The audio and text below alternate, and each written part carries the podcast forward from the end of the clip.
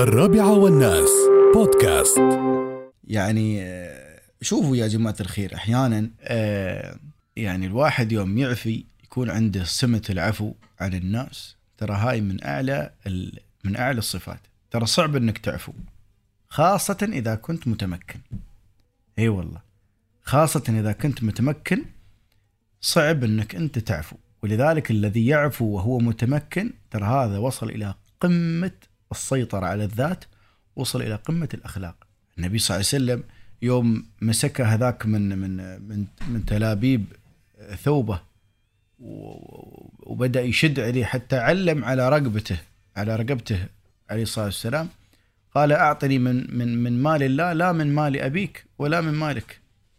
تخيل هو ياس يقول حق من؟ حق يعني قائد جيش ورئيس دولة. ونبي وقصته مع أهل الطائف وهو قدوتنا يعني إحنا دائما نقتدي بالنبي صلى الله عليه وسلم في الأخلاق. وهذه ما تي يوم وليلة يعني أنا مو بيوم وليلة بستوي أنا من العافين عن الناس. لا هاي عملية تحتاج تدريب. الواحد يتدرب يتدرب بنفسه. هذا عقى عليه كلمة هذا لف عليه هذا كذا هذا كذا. يا ريال كم بتم انت تزعل وكم بتم انت تراكض ورا هذا ورا هذاك وكم بتصير أنت مركز شرطه وتسوي. وبتم القلوب مولعة والنفوس تعبانة.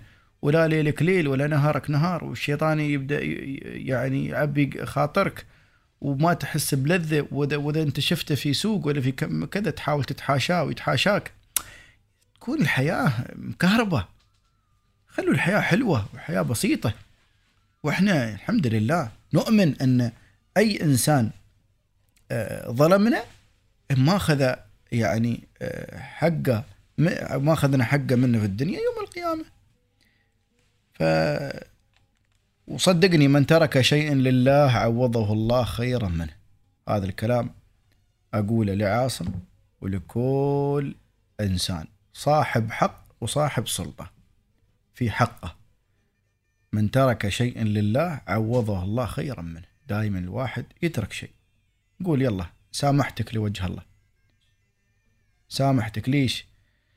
بيوم بيوم ما ينفع لا درهم ولا دينار ولا كرسي ولا مال ولا سيارة ولا فيلا ولا منصب.